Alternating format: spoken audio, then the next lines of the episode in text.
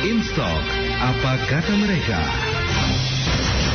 Instok apa kata mereka pendengar? Saat Rofi bersama Anda. Kami siapa yang sedang bersama kami dalam live Instagram El Sinta Karena Instok pasti kami tayangkan bukan hanya di seluruh jaringan radio nasional Namun juga kami sapa untuk Anda netizen yang berada bersama kami di sambungan IG Live.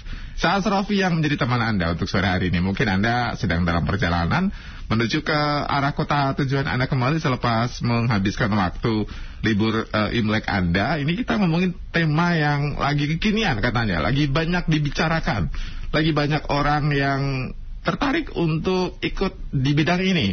Bidang ini apa ya? Ini bidang yang katanya adalah berkaitan dengan perkembangan teknologi saat ini. Dan bidang yang selama ini mungkin tidak booming, namun gara-gara pandemi COVID-19 kemudian menjadi booming ada fintech, ada kripto, ada yang lainnya, NFT juga ada dan sebagainya gitu ya.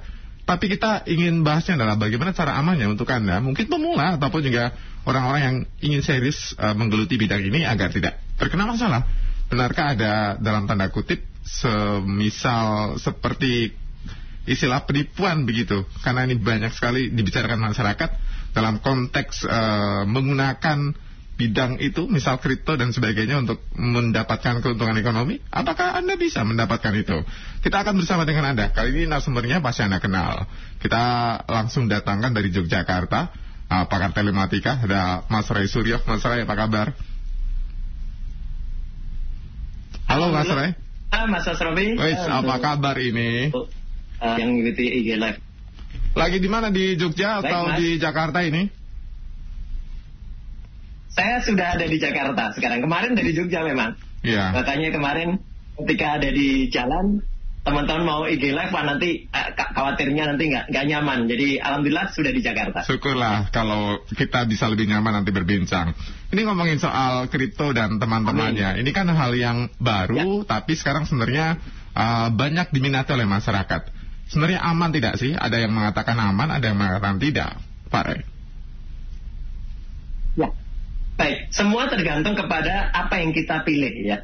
Jadi ini makin booming gara-gara Mas Gozali ya, Gozali Ah, ah. efek terutama ya, gara-gara NFT-nya laku mahal itu. Jadi itu yang itu yang paling paling hit ya gitu karena karena ketika orang bicara awalnya orang bicara Bitcoin, orang bicara Dogecoin itu eh, belum ada yang masuk apalagi eh, Mas Asrofi mungkin juga teman-teman banyak yang khawatir karena kan ada yang menyamakan ini dengan skema Ponzi ya, eh, skema eh, piramida eh, MLM gitu ya, gitu. Nah, sebenarnya kripto ini adalah sesuatu yang ranah yang baru ya, ranah baru itu artinya eh, yang sebenarnya nyata ada gitu. Hanya saja memang perlu pengakuan atau perlu kesepakatan di antara eh, para penggunanya. Intinya gini, sama halnya dengan kita nonton eh, misalnya film Avatar gitu ya. Ada, ada itu itu gam- gam- gam- gampangan paling bagus lah gitu.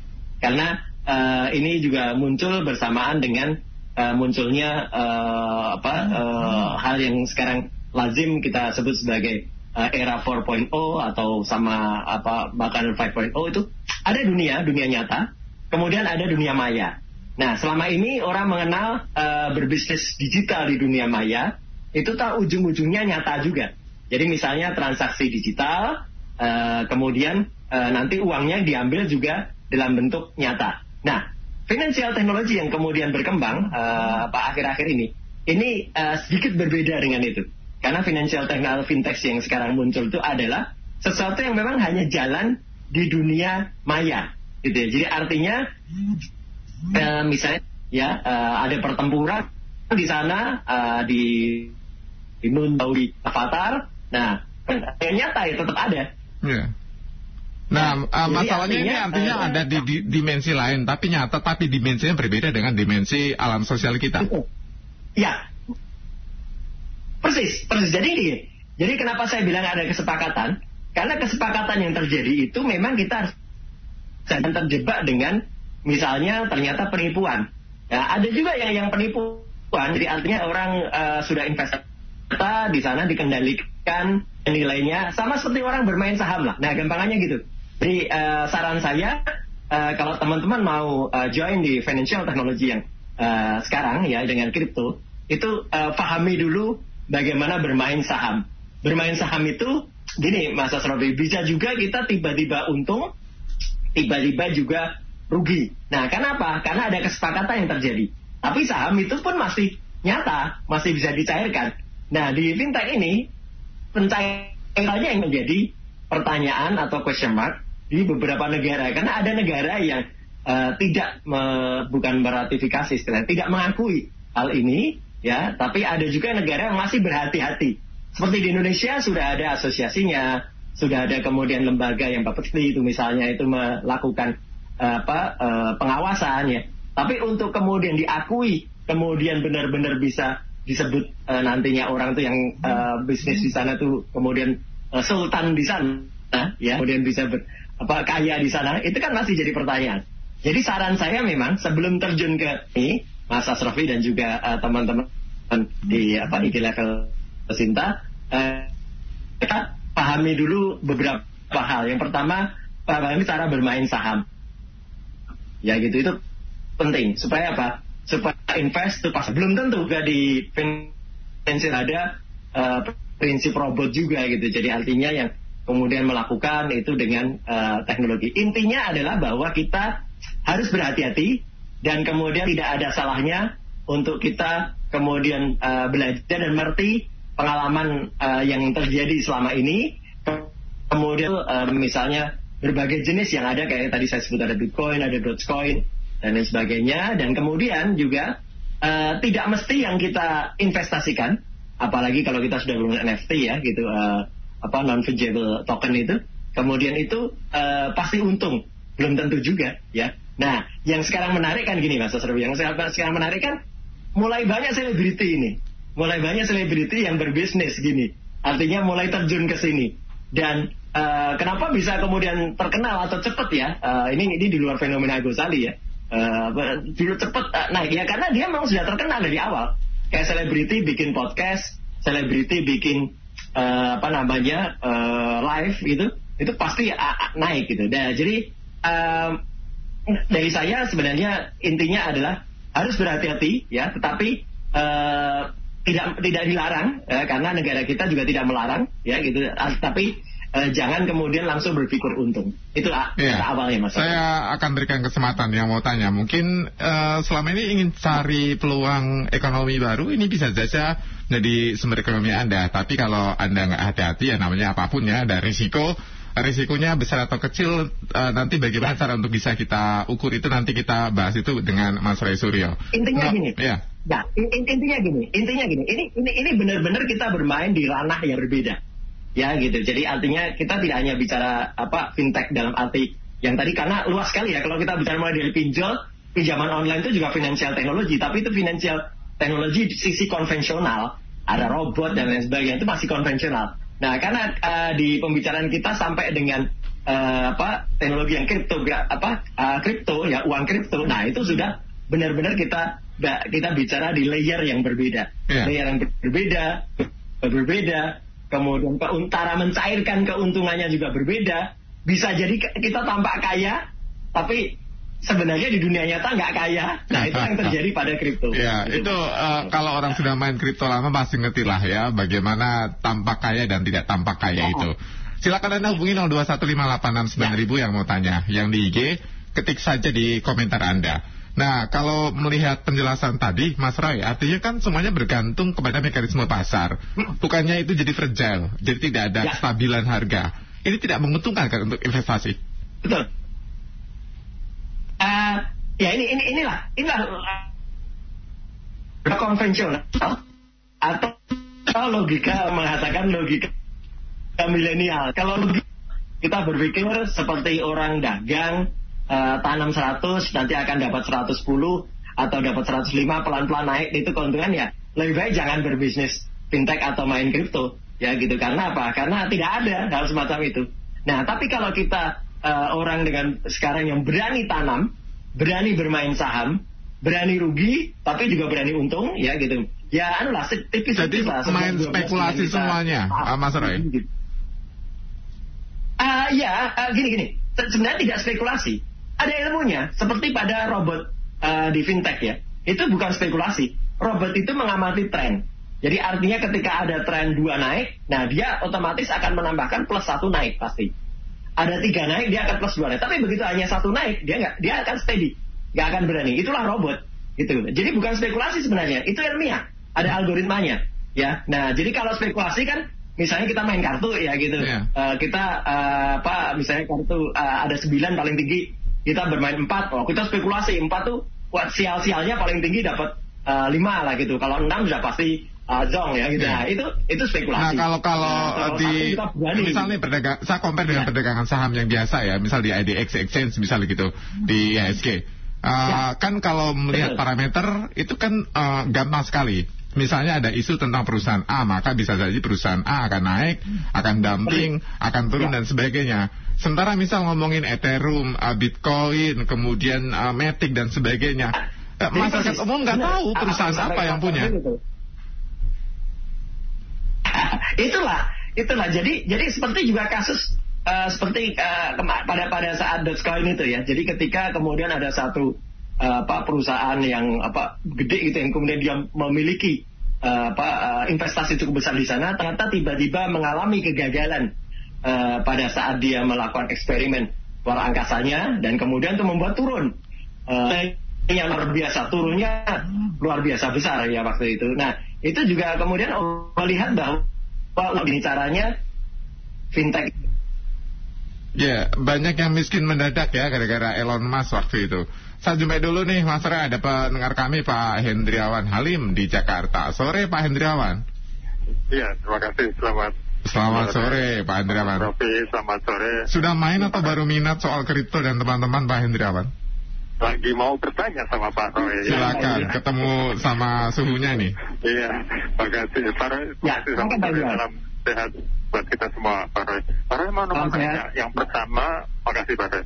Eh, yang pertama mengenai eh, si kriptonya sendiri kan di kita masih agak ambigu Ya. aturannya bahwa yang di satu sisi eh, dari Abu-abu. sisi keuangan enggak, tapi dari sisi perdagangan iya gitu ya Pak Iya, Roy. betul. Terbukti, nah iya kan masih agak bingung di dua ambigu peraturan itu, tapi kemudian terbukti kemarin dengan yang heboh itu kan sudah dipajakin, berarti dia diakui. Berarti legal gitu ya pendapatannya. Ya, ya, Diakui. artinya bi- bisa Ya. di withdraw sebagai bentuk rupiah.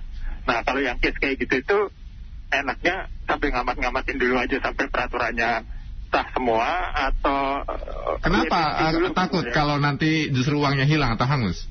Oh bukan, Eh, iya jadi nggak bisa di withdraw, iya Oh. kan? Ah, ah.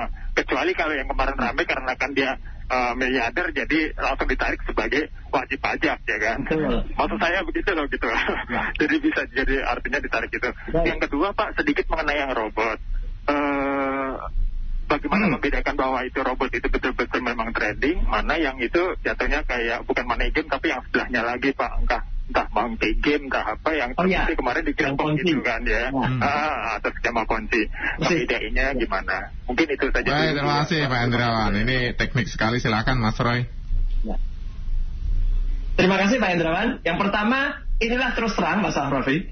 Itu terus terang saya kira ini Indonesia bermain hati-hati tapi juga bermain aman gitu ya. Artinya secara eh, tidak melepas begitu saja. Kalau lepas begitu saja kan ada beberapa negara yang melarang ya gitu. Tapi Indonesia itu eh, memang ada ambigu gitu tadi juga.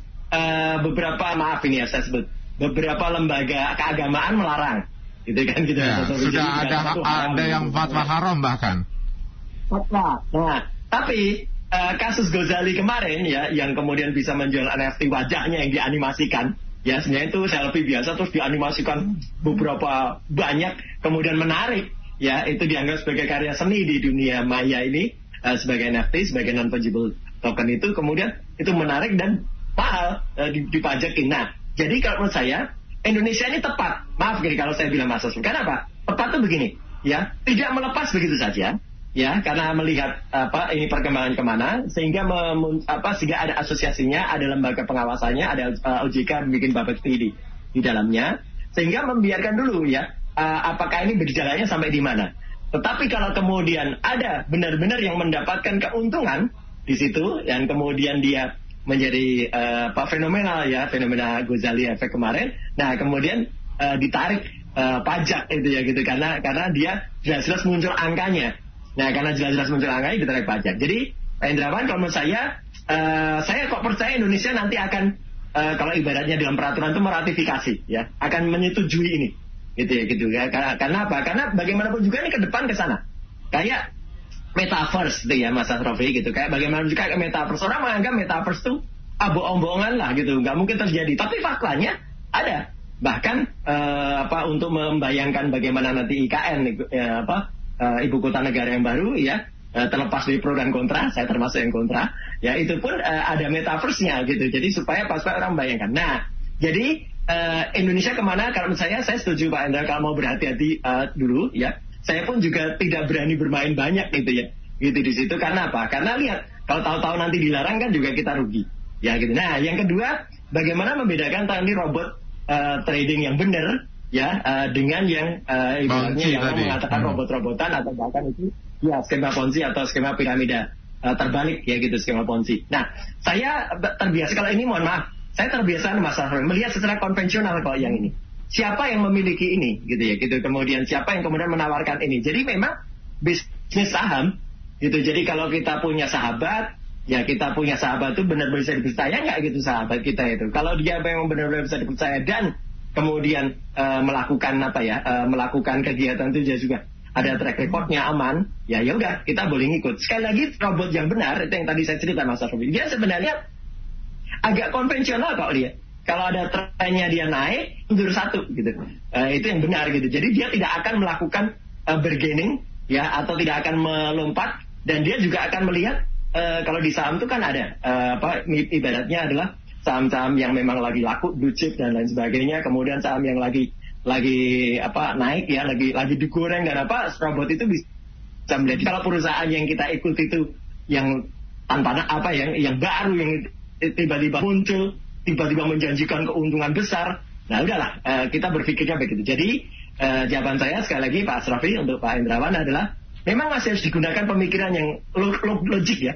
Pemikiran yang konvensional ya gitu untuk supaya kita memahami. Tapi kalau kita memang sudah nanti benar-benar bermain di uh, dunia kripto, nah pemikiran konvensional itu pelan-pelan kita hilangkan. Nah ini yang ya, yang kemudian membuat membuat kita seperti bermain avatar gitu di dunia metaverse karena tidak ada lagi nanti uh, kita kemudian masih berpikir secara konvensional. Ya, Itu so, ya, saya mohon waktu sejenak ya sebelum nanti kita bahas lebih dalam, kita akan segera kembali untuk bahas lebih dalam ya ini berkaitan dengan kecerdasan masa kini, apa yang perlu diantisipasi agar kita tetap aman ketika coba untuk bermain kripto ataupun juga NFT dan teman-temannya. Sesaat lagi. Instok, apa kata mereka? Selamat bergabung kembali Stok apa kata mereka. Saya Asrofi masih menemani Anda. Dan Mas Roy Suryo masih bersama dengan kami Di sambungan Instagram. Mudah-mudahan Anda tetap sehat ya Yang sedang menyimak kami Baik di seluruh jaringan Radio El Sinta di Indonesia Ataupun yang bersama kami dalam IG Live kami anda kami harapkan untuk tetap setia protokol kesehatan karena kasus lagi naik jangan sampai kemudian kita menambah beban pemerintah dengan menambah kasus COVID-19 karena kita lalai menjaga protokol kesehatan itu yang kami harapkan dari Anda. NFT, ada juga kripto, ada uh, kecerdasan buatan yang sekarang sedang naik daun yaitu metaverse. Namun ada masyarakat yang kadang-kadang bertanya, pengen mulai tapi takut uh, pengen ikutan dapat untung tapi nggak ngerti caranya. Ini problematika yang standar dan butuh informasi. Makanya kami bersama dengan Mas Roy sendiri untuk membahas ini. Nah kalau kita lihat tren ada nih, uh, Mas Roy, akan jadi seperti apa sebenarnya? Kripto dan teman-teman ini akan jadi seperti apa nanti?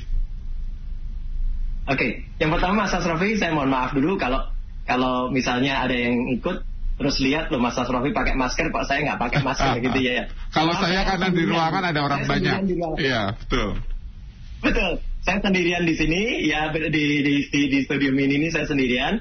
Kalau Mas Asrofi mungkin di Saya ada operator, ada, ada asisten juga jadi nggak bisa nih.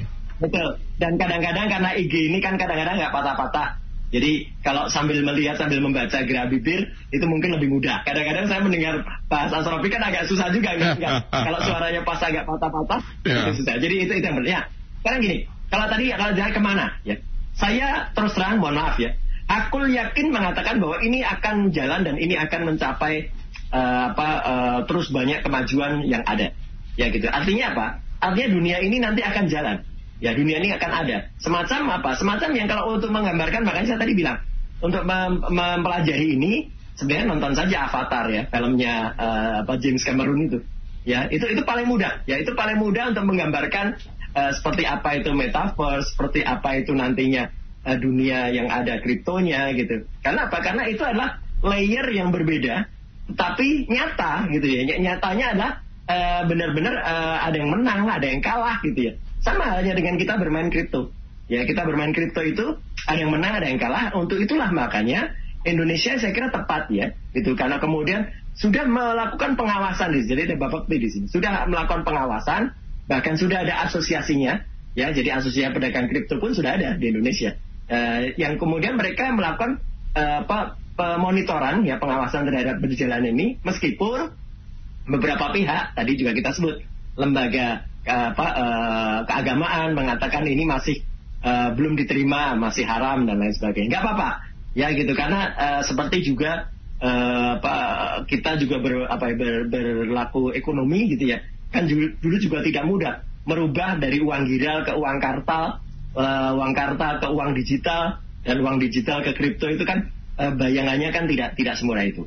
Nah maka uh, bagi masyarakat maka saya sarankan kalau memang ingin melakukan ini ya memang pelajari betul uh, apa yang ada dan uh, ada baiknya juga kalau misalnya uh, lihat teman yang sudah masuk ke situ dan kemudian dilihat dan jangan kemudian langsung ada efek yang tadi kita sebut-sebut efek Mas Gozali dia Gozali efek Gozali itu, efek. ya memang kreatif dia. Ya ya Gozali efek itu karena kreatif dia dia selfie oh apa banyak sekali foto-foto selfie-nya digabungkan jadi semacam animasi menarik dan itu quote and quote bisa disebut sebagai sebuah karya seni. Dan karya seni itu makanya diikuti juga oleh beberapa pegiat seni. Ya beberapa artis lah Anang dan kawan-kawan yang kemudian mencoba melakukan uh, peruntungan. Kalau saya sebut ya gitu peruntungan di di dunia NFT atau di dunia kripto. Tapi perlu diingat juga ya kalau mereka-mereka para sultan itu itu ya Mas Asrafi itu ber, melakukan peruntungan rugi mungkin mereka nggak nggak apa yang nggak merasa. Kalau kita kita ya kalau rugi mungkin itu harus dihitung. Nah jadi uh, belajar banyak itu menurut saya oke okay, uh, dan kemudian supaya kita jangan gambling yang jelas ini memang bukan gambling ini bukan berjudi ini ada ada hitungannya. Ya, ini ada transaksinya ada, namanya. Ada logikanya. Hmm. Ada ya betul. Jadi ini benar. Hanya kita jangan sampai terjebak ke Uh, Cuma yang, masalahnya uh, ini nih Mas Roy. Kita tahu nih kalau misal ya mata uang tertentu dalam kehidupan normal misal ya kita di Indonesia rupiah maka ada uh, sebuah lembaga khusus yang akan menjaga likuiditasnya sehingga tidak naik turun dan berbahaya untuk uh, keberlangsungan kehidupan ekonomi terutama.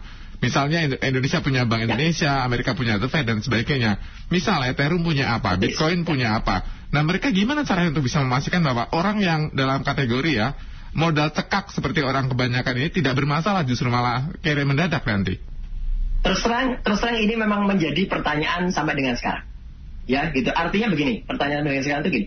Ini bukan uh, kripto ini memang lahir dari bagaimana membuka uh, apa dikonsentrasi Uh, kalau, kalau uang digital itu kan masih ter, ben, apa uh, skema peredarannya saja digital, tapi uh, pencairannya bisa secara fakta. Nah, tapi itu kan tetap ada sentralnya, tetap ada bank sentralnya. Nah, kalau kripto memang, memang tidak. Ini berlaku sistem seperti jaringan komputer. Dia tidak ada sentralnya. Jadi artinya uh, sangat tergantung betul dengan mekanisme pasar yang ada. Kayak saham persis. Sangat tergantung. Tapi makanya uh, beberapa negara kemudian memperlakukan ada aturan-aturan ketika nanti harus membatasi seberapa besar dia bisa up, seberapa besar yeah. dia bisa downnya. Sementara nah, sahamnya kita lihat nih kalau di kalau di pasar saham turun ya. secara mendadak 25% itu maka langsung dihentikan sementara Persis. oleh uh, pemilik sahamnya ya, pasar ya. sahamnya. Sementara kalau di kripto kan tidak. Tidak. Itulah inilah yang, saya katakan tidak ada peng, tidak ada pengatur atau tidak ada sentralnya. Ini yang memang harus berhati-hati. Makanya kita harus tahu juga misalnya uh, bukan flagship ya istilahnya di kripto itu uh, yang yang meng, ya, yang kemudian memiliki saham terbesar di situ yang memiliki nilai terbesar itu siapa? Katakan. Misal Bitcoin. Oh, kemudian dia ya ya Bitcoin jadi ya dia dia ada di situ.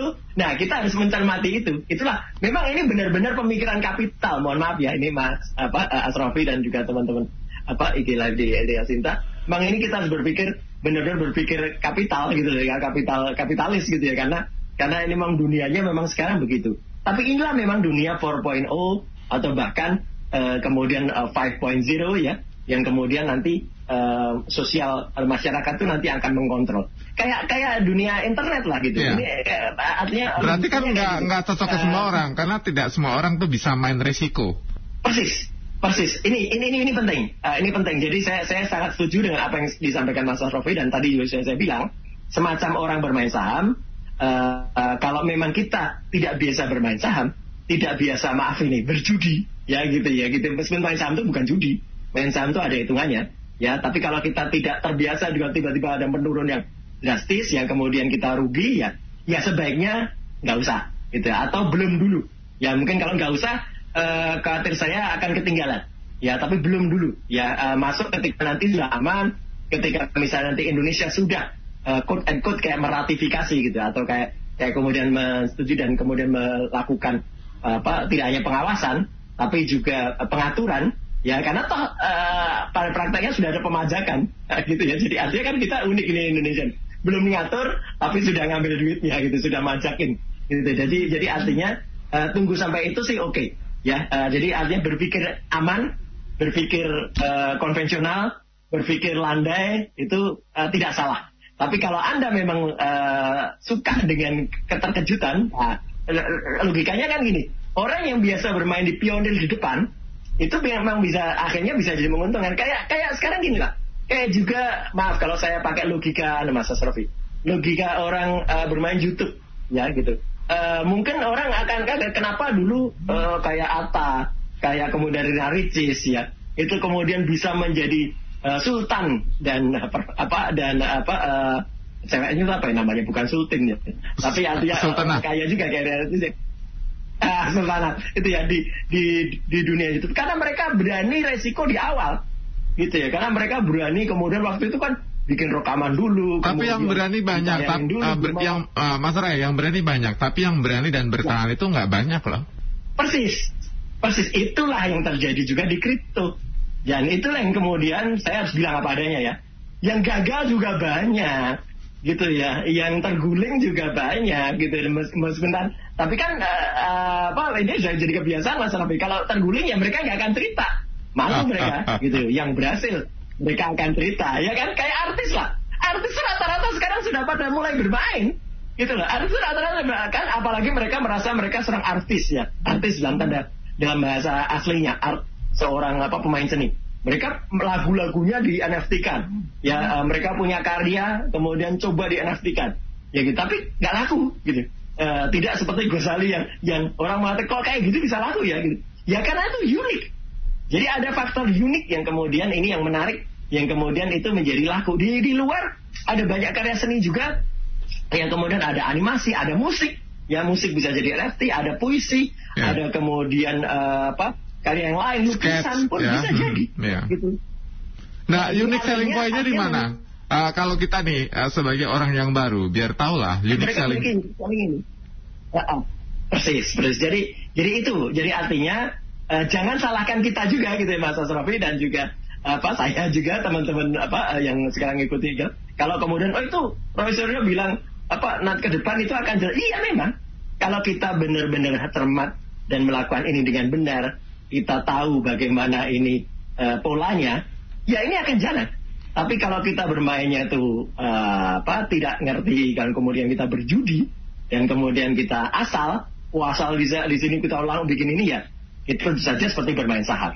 Itu jadi ibaratnya kayak kayak orang bermain saham. Itu. Ya, ada metaverse nanti yang kemungkinan akan menjadi besar karena bisa menjadi Ya. spektrumnya yang luas sementara sudah berkembang sekarang adalah uh, uang-uang berbasiskan data ya atau yang biasa disebut Bitcoin dan teman-temannya kalau- itu. Kalau metaverse, kalau metaverse jelas ya, apalagi didukung eh, oleh si pencipta eh, metaverse itu ya. Jadi artinya dia pasti juga akan berusaha betul membuat dunianya ini ya dunia metaverse itu tidak akan hilang pasti kalau itu karena dia kemudian memberikan fasilitas. Nah, kita siap eh, tidak? Sementara sebagian masyarakat kita ya ngomong eh, jangankan metaverse ya, kesehariannya ngelihat pesawat saja masih tepok-tepok minta uang dari pesawat. Eh, kita siap tidak sebagai negara yang sudah berhadapan langsung sekarang? mau nggak mau pasti siap, Mas Asrul. Kenapa saya bilang mau nggak mau pasti siap? Coba dibayangkan. Tadi tadi Mas Asrul juga bilang, dengan adanya pandemi COVID-19 ini, tidak dibayangkan dulu eh, guru di pedalaman siswa di apa di luar Jawa misalnya ya gitu. Ini ini saya, saya bicara fakta aja itu kemudian uh, sudah bisa memanfaatkan teknologi minimal zoom. Dia menjadi zoomer ya. Uh, saya golongan generasi zoomer sekarang. Tidak tidak terbayangkan dulu. Karena mungkin kita juga bayangkan ini akan jadi uh, lima atau lima tahun lagi lah paling cepat. Atau IG live gini ya gitu. Mungkin El Sinta dulu kan sudah sudah kita udah mulai ya gitu. Tapi uh, tidak akan seramai sekarang ya gitu. Tidak akan seramai ini. Ya teman-teman juga pakai uh, yang punya channel-channel juga tidak akan ramai. Kalau tidak ada pandemi. Dengan ada pandemi ya ini kayak blessing in disguise ya gitu. Jadi artinya ada ada semacam berkah yang muncul. Nah metaverse ini menurut saya memang tepat. Muncul di saat orang kemudian sedang uh, berada di satu uh, masa di mana dia uh, di luar apa dilarang untuk keluar dilarang secara medik ya gitu. Meskipun jangan terlalu ditakut-takutin gitu ya gitu. Uh, kemudian uh, kita duduk dan dan banyak sudah kemudian dilakukan dengan uh, teknologi uh, AI itu ya artificial intelligence. Dan sekarang kan sudah sudah kayaknya kalau kita menikmati tayangan-tayangan uh, apa uh, film atau apa uh, sinema yang muncul lima tahun terakhir rata-rata sudah sudah ada. Gitu di di di embrio-embrionya sudah ada. Bahkan film-film candaan pun ya uh, dengan menggunakan virtual apa reality semacam ini dan virtual reality-nya kemudian dibuat menjadi tersambung. Metaverse itu kan itu. Jadi artinya dari awalnya virtual reality yang virtual reality itu tadinya dia hanya satu uh, apa uh, circle sendiri satu satu kelompok-kelompok kemudian digabungkan. Sama seperti jaringan internet jadi sebenarnya ini adalah sama uh, sejarahnya seperti ketika uh, waktu itu ada World Wide Web ya, ada penggabungan dari beberapa jaringan yang tadinya teknologi kan LAN waktu itu. Lokal area network ada LAN di sini, ada LAN di sini, anggaplah ada virtual uh, reality di satu kantor, virtual reality di kantor dan lain, kemudian ini digabungkan, jadilah itu metaverse. Ya, Jadi sebenarnya kalau dilihat logikanya masuk masuk akal dan ini akan berkembang dan ketika metaverse itu benar-benar nanti memang sudah orang itu anggap sehari dia kayak orang main zoom lah gitu. Kayak orang main zoom, kayak orang IG live kayak gini. Ya udah nanti nanti uh, buktikan kata-kata saya Mas Sabit. Orang nggak akan merasa bahwa ternyata sudah bermain metaverse, sudah melakukan kripto, sudah kita melakukan transaksi dengan menggunakan apakah itu Dogecoin, hmm. apakah itu Uh, kata siapa orang kita tidak transaksi pakai ya karena transaksi itu sebenarnya sudah kita lakukan contohnya main game beli chip dan sebagainya bukannya ya. itu kripto juga yang digunakan? Seperti, iya ya kripto juga dan dan itu kan NFT juga. Jadi artinya apa kan tidak bisa dipertukarkan kan gitu tidak bisa dicairkan langsung gitu non fungible token juga kan. Kita sudah sudah terbiasa istilah token. Sudah terbiasa fungible uh, non fungible gitu. Jadi jadi hal kayak gini uh, nanti akan ngalir ya. saja. Jadi, Jadi nanti kalau beli beli tidak, misal mau beli pulsa bisa di uh, masa depan nanti kita pakai kripto itu mungkin bisa kali ya? Bisa, saya saya yakin bisa. Dan dan saya yakin nanti bahkan ya seperti sekarang seperti uang digital sekarang. Gitu. Uh, kan dulu kan tidak membayangkan bagaimana kita di supermarket kita bisa melakukan tapping. Ya tap gitu. Mentap ya. Bukan tapping sorry. Mentap. Ya uh, mentap uh, handphone kita gitu. Jadi kita kemudian kita terkurangi nilainya. Dulu kita kita tidak membayangkan uh, di pompa bensin kemudian bisa membayar menggunakan handphone. Bahkan dulu dilarang. Uh, dilarang mengoperasikan handphone di pompa bensin kan. Dulu sekarang kita di mana-mana mau bayar pakai handphone di pompa bensin gitu kan. Nah jadi kayak kayak gitu itu akan akan terjadi. Ya jadi uh, yang nantinya dilarang uh, itu saya kok yakin pelan-pelan nanti akan dilegalkan. Yeah. tapi memang saya setuju dengan Indonesia jangan terlalu cepat dulu. Karena kalau terlalu cepat uh, membuat yang tadinya kemudian uh, gegabah itu akan merusak kripto ini. Gitu ya. Jadi saya setuju biarkan yang sekarang itu biarkan ya yang uh, apa uh, orang-orang yang berani dulu ya gitu. Tapi kalau nanti sudah uh, semuanya aman semuanya kemudian ada uh, legasi ada penjaminnya nah masyarakat masuk ya menurut saya sih itu bagus. Ya kayak yeah. metaverse. Metaverse juga begitu ya. Orang mencoba uh, kaget juga loh kita tahu-tahu ketemu gitu. Di metaverse kan gitu loh kalau kita tahu-tahu ketemu gitu ya dengan dengan dengan teman yang ya kayak sebenarnya kayak Facebook juga. Awal bersama Mas Asrafi. Dulu kan kita nggak bayangkan kan di Facebook itu uh, kita ketemu dengan teman lama, teman SMP yang sudah hilang secara, secara nyata sekian tahun yang lalu. Tiba-tiba di dunia digital ketemu meskipun baru ketemu uh, gambar-gambarnya. Di metaverse seperti itu. Gitu. Mudah-mudahan ya. Nanti kalau misalnya mau tanya-tanya lebih ya. lanjut boleh kontak uh, IG-nya Mas Ray Suryo. Nanti pendengar El Sinta atau nah, netizen boleh ya. At Ya, silakan ke apa uh, Sinta 92 FM atau ke at KRMT Roy Suryo 2. Ya, gitu. kalau tanyanya ke saya, saya nggak bisa jawab ya, karena pemula juga, jadi sama-sama belajar kita. Mas Roy, terima kasih waktunya. Ya. Mudah-mudahan ini ilmu yang bermanfaat ya, bukan hanya untuk masa kini, tapi juga masa depan. Kita harus develop ya diri kita dengan ilmu-ilmu baru. Terima kasih Mas Roy ya. Tidak terlalu di awang-awang. Amin. Yang tidak terlalu di awang-awang karena saya juga tidak ingin tidak ingin memberikan mimpi. Ya, ya. saya memberikan uh, masih di batas kita harus hati-hati. Kaki kita masih menginjak bumi kok ya. Mudah-mudahan jangan sampai lupa daratan. Itu dia. Terima kasih Mas Ray, tetap sehat ya. Ya. Terima kasih. Ya. Sehat, insya Allah. Salam sehat. Salam sehat untuk kita semua. Terima kasih pakar telematika Ray Suryo. Terima kasih untuk anda sudah menyimak info kata apa kata mereka. Kami akan terus hadirkan info apa kata mereka dengan tema-tema yang lebih hot. Tentunya hanya di Instagram Radio Cinta Sasrofi. Sampai jumpa. Instok apa kata mereka?